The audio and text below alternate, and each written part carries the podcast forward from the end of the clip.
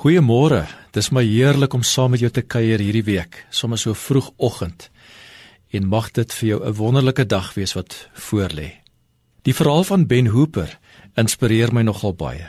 En mag dit vir jou ook iets beteken. Hy's in 1870 in die heuwels van Oos-Tennessee in die VSA gebore. Hy was 'n buiteegtelike kind.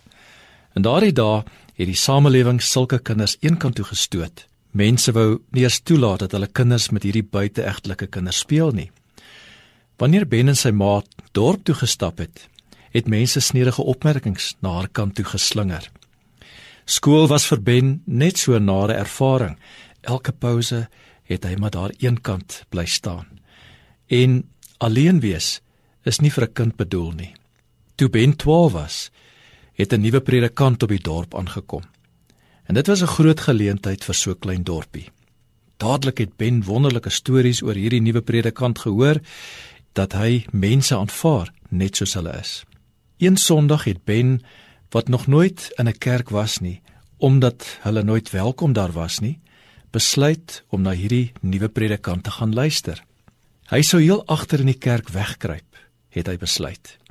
Ben het stilletjies ingesluip toe die diens reeds aan die gang was en voor die laaste lied net so saggies weer uitgesluip. Maar in sy hart het daar vir die heel eerste keer hoop begin brand.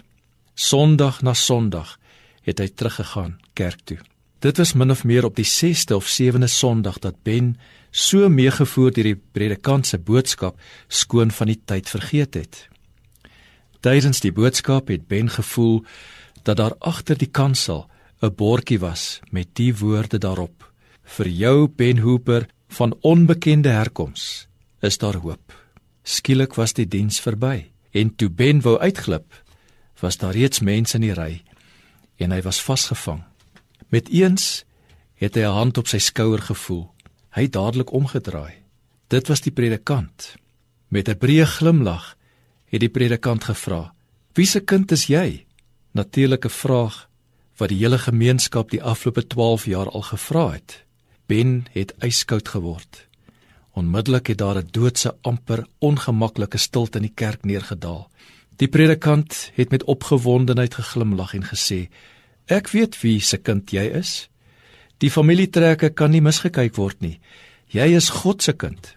Die predikant het Ben so vriendelike klapjie op die skouer gegee en toe vir hom gesê: Dit is nogal 'n erfenis wat jy het, seun. Gaan nou en sorg dat jy daarvolgens leef. En hy het. Hy het later goewerneur van die Amerikaanse staat Tennessee geword. En dit laat my dink aan Paulus se woorde in Galasiërs 3:26. Deur hierdie geloof in Christus Jesus is julle nou almal kinders van God. Want julle almal wat deur die hoop met Christus verenig is, het nou deel van Christus geword. Onthou vandag Jy is God se kind. Amen.